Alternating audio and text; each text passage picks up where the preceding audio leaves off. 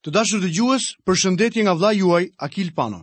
Jam mirënjohës Perëndisë jeni së bashku me mua për të dëgjuar dhe studiuar së bashku fjalën e Perëndisë së gjallë. Ju kujtoj që në programin e kaluar kemi folur për kapitullin e 27 të librit të Eksodit dhe kemi studiuar në këtë kapitull altarin e olokaustit dhe pajisjet e tij. oborrin e tabernakullit dhe vajin për llambat. Dua t'ju kujtoj gjithashtu që pasi kemi përfunduar studimin e kapitullit të 27, menjëherë filluam studimin tonë mbi kapitullin e 28 dhe kemi hyrë më në detaje, jo më për të folur për tabernakullin, altarin e olokaustit dhe oborrin e tabernakullit, por kemi filluar të flasim për rrobat e kryepriftit. Në mësimin e sotëm, do të ndalemi te kapitulli 28 i librit të Eksodit, nga vargjet 15 dhe 16 të këtij kapitulli do të fillojmë leximin tonë mbi pektoralin. Le të lexojmë dhe të shohim menjëherë se çfarë fjala e Perëndisë do të na tregojë për veshjet e tjera. Do të bësh gjithashtu pektoralin e gjykimit, të punuar në mënyrë artistike. Do ta bësh punën si për efodin prej ari, me fill ngjyrë vjollce, të purpurt dhe flakë të kuqe, si dhe me li të hollë të përdredhur. Do të jetë katror e, i palosur më dysh, do të jetë një pëllëmbë i gjatë dhe një pëllëmbë i gjerë. Mënyra më e mirë për të përshkruar pektoralin është ta quash atë një jelek, por shumë të bukur. Ai vishej sipër mantelit. Ai ishte pektorali i gjykimit. Pse është quajtur në këtë mënyrë? Sepse na përshkruan faktin se mëkati ishte gjykuar. Sot si besimtarë ne kemi nevojë për pektoralin e drejtësisë. Pektorali mbulon ligësinë e zemrës tonë. Kjo është mënyra e vetme që të mund të qëndrojmë në praninë e Perëndisë. Drejtësia e Krishtit është vendosur mbi ne. Ja pse është quajtur pektorali i gjykimit. Në një farë mënyre, pektorali ishte pjesë e efodit. Efodi dhe pektorali ishin bashkë dhe ishte një gjë shumë e bukur. Lexojmë poshtë vargjet 17 deri në vargun e 20. Do të ngallmosh katër radhë gurësh, në radhën e parë një sardonio, një topaz dhe një smerald. Në radhën e dytë një bruz, një safir dhe një diamant. Në radhën e tretë, një hiacint, një agat dhe një amteist. Në radhën e katërt, grisolist, një oniks dhe një diasper. Këta gurë do të ngallmohen në radhët e tyre të artë. Në pektoralin e kryepriftit ndodheshin 12 gurë të çmuar. Katër radhë me nga tre gurë secila. Lexojmë vargun e 21. Dhe gurët do të korrespondojnë emrave të bijve të Izraelit. Dymbëdhjetë sipas emrave të tyre të gdhendur si vula, secila me emrin e fiseve të Izraelit. Gurët hasen edhe në librin e zbulesës, ku na thuhet se ata formojnë themelin e Jeruzalemit të ri. Çdo gur kishte një ngjyrë ndryshe dhe së bashku formonin një pamje shndritëse madhështore. Mendoj se gjithësia e Perëndisë është e mbushur me ngjyra.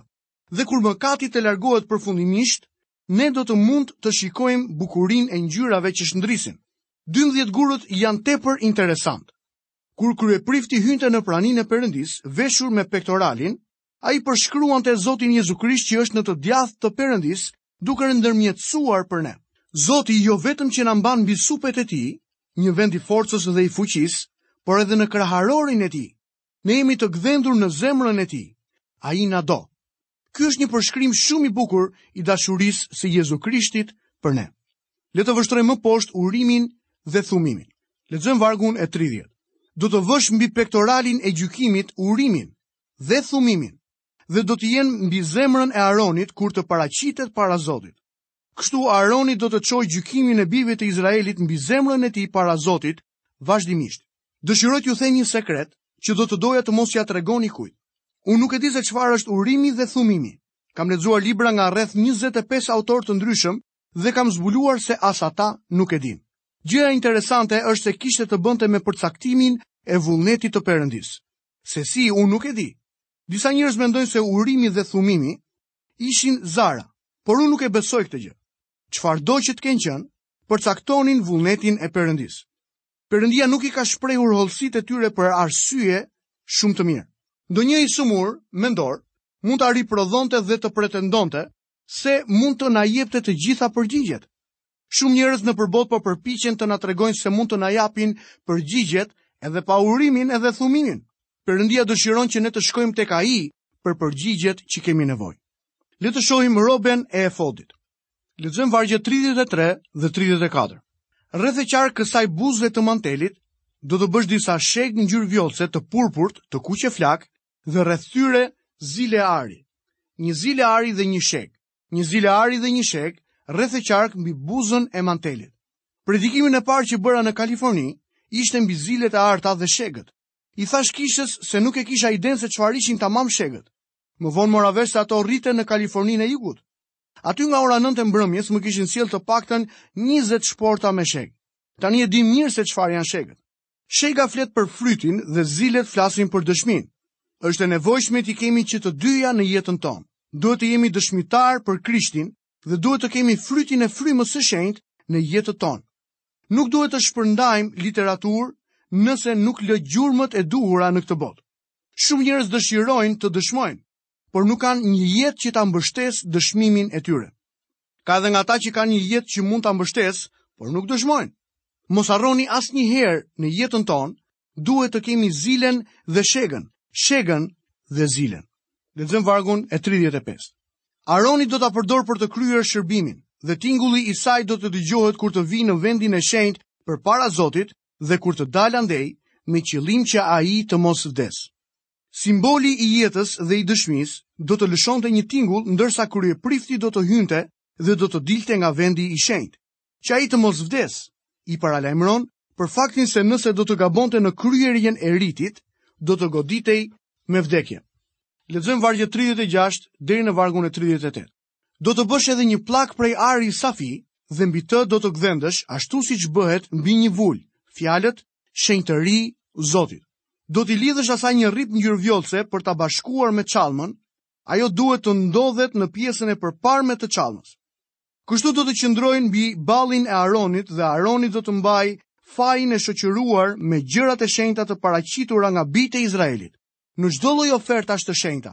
Ajo do të rrijë vazhdimisht mbi ballin e tij, në mënyrë që ato të jenë të mirëpritura nga Zoti. Këto veshje e dallonin kryepriftin nga priftërinjtë e tjerë dhe ato paraqisnin lavdinë dhe bukurinë e kryepriftit tonë. Ai është i shenjtë, i patëmetë, i pandotur, i ndarë nga mëkatarët. Ai vdiq për të na shpëtuar dhe tani jeton në të djathtë të Perëndisë për të na ndihmuar të ecim një jetë të pastër me të. Lexojmë nga vargu i 39 deri në vargun e 43.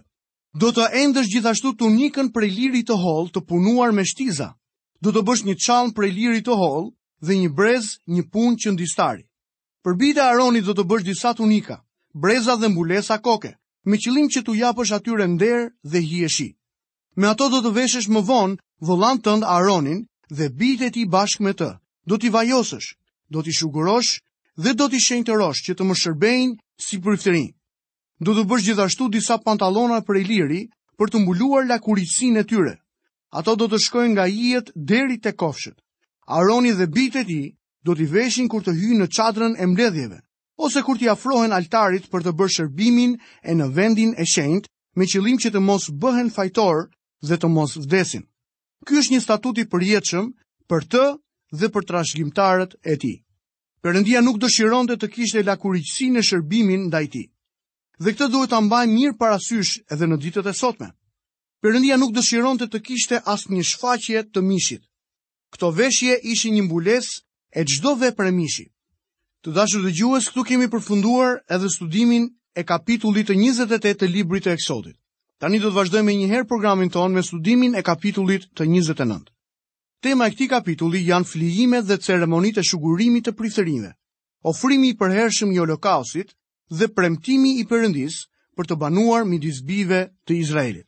Kapitulli i 29 është i gjatë dhe jo aq interesant dhe entuziazmues sa të tjerët. Megjithatë, jam i sigurt se Perëndia dëshiron ta përdorë për të na shërbyer.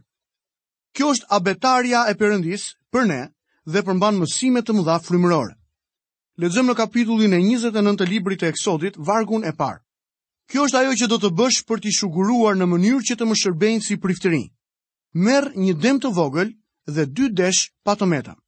Shenjtërimi apo shugurimi i një besimtari nuk ka të bëjë me diçka që ai bën për veten. Është diçka që Perëndia e bën për ne.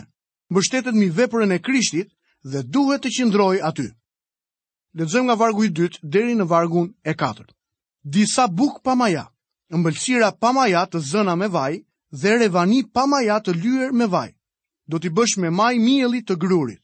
Do t'i vësh në një shportë dhe do t'i çosh bashkë me demin e vogël dhe me dy deshtë. Do ta afrosh Aaronin dhe bijtë e tij në hyrjen e çadrës së mbledhjes dhe do t'i lash me ujë. Larja është një tipizim i rilindjes. Tek letra drejtuar Titit, kapitulli 3 dhe vargu i 5, na tregohet kjo gjë. Ai na shpëtoi jo me anë të veprave të drejta që ne bëmë, por sipas mëshirës së tij, me anë të larjes së rilindjes dhe ripërtëritjes nga Fryma e Shenjtë. Larja e përmendur në këtë pasazh ka të bëjë me rilindjen. Kjo larje është krejt ndryshe nga koncepti i përgjithshëm i larjes. Tani Moisiu do t'i japë rrobat Aaronit. Lexojmë nga vargjet 5 deri në vargun e 9. Pastaj do të marrësh rrobat dhe do ta riveshësh Aaronin me tunikën, me mantelin e efodit, me efodin dhe me pektoralin dhe do t'i ngjeshësh brezin e punuar artistikisht të efodit.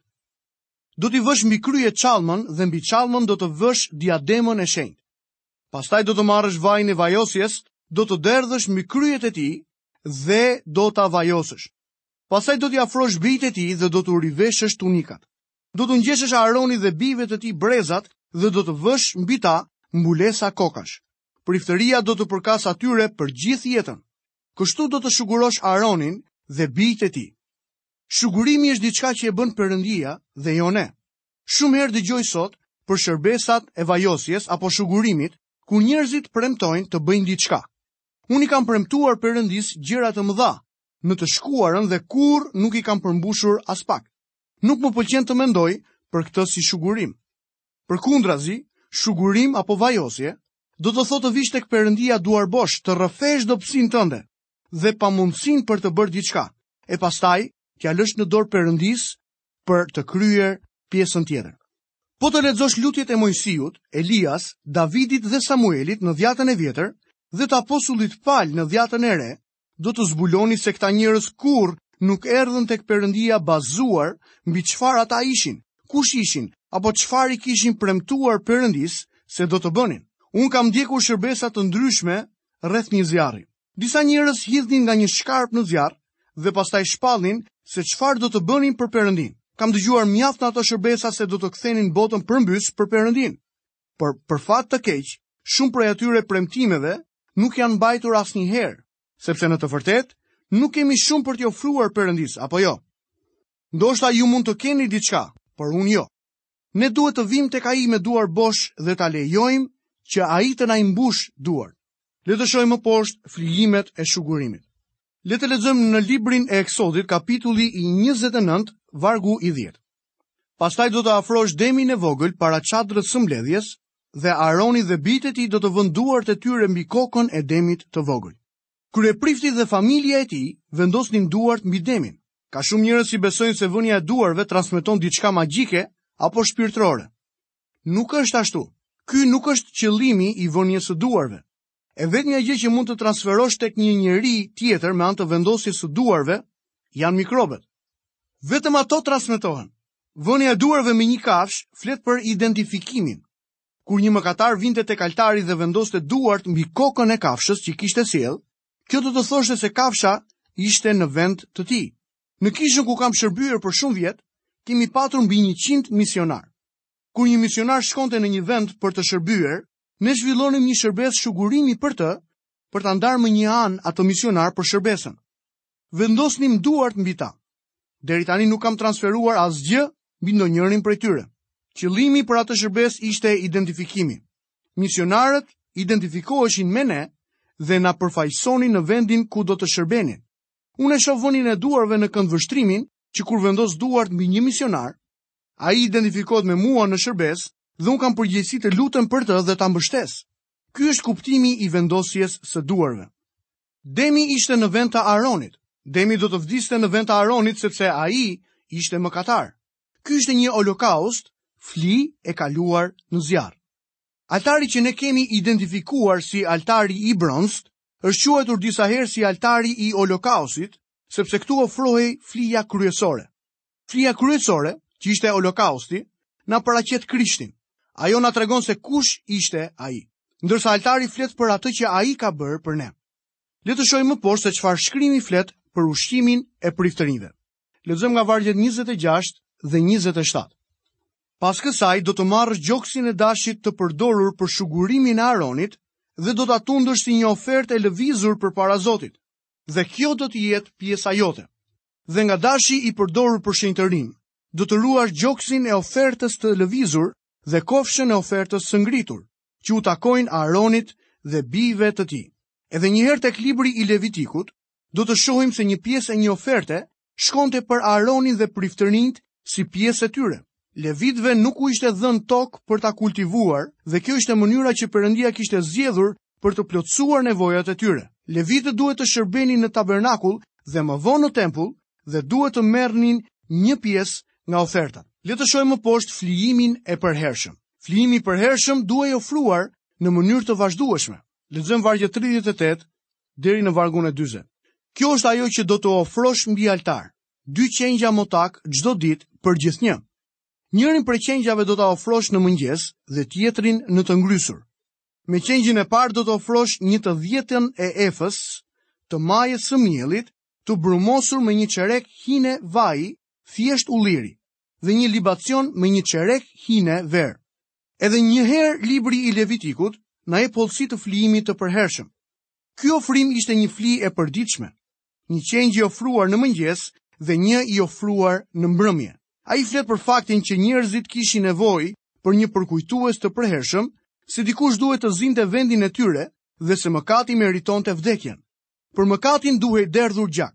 Letra e drejtuar hebrenjve na e paraqet qartë këtë të vërtetë në kapitullin e 9 dhe vargun e 26. Sepse përndryshe, ai duhet të pësonte shumë herë që kur se u krijua bota, por tani vetëm një herë, në fund të shekujve Krishti u shfaq për të prishur mëkatin me anë të flijimit të vetvetes.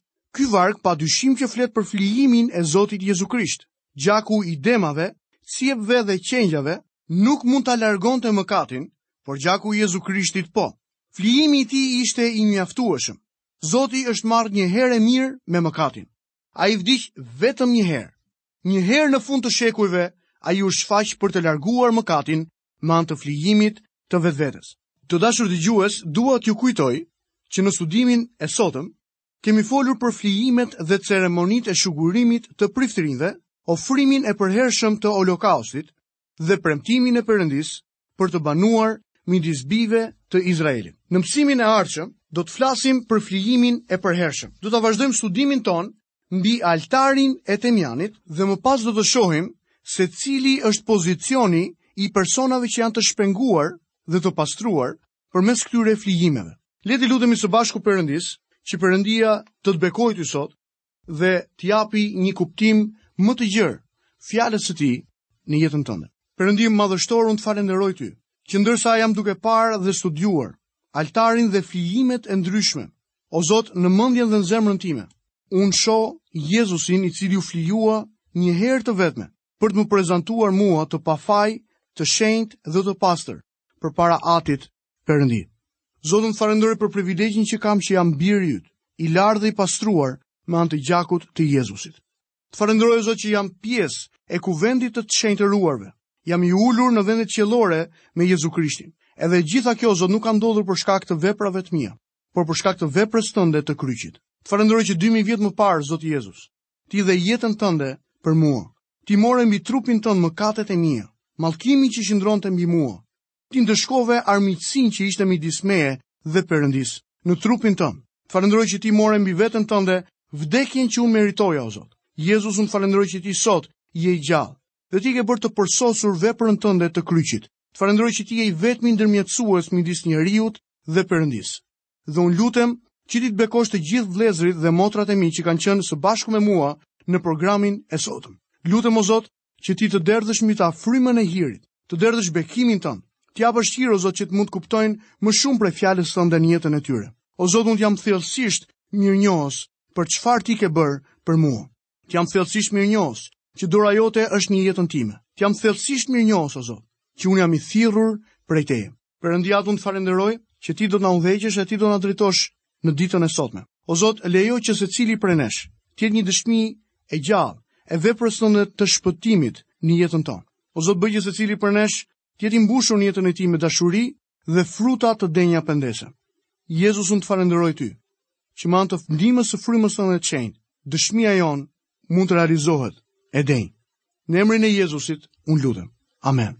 Të dashur dëgjues, nga vëlla juaj Akil Pano, keni të gjitha bekimet e Perëndisë dhe paqen e tij në jetën tuaj. Bashkë mirudëgjofshim në emisionin e ardhshëm.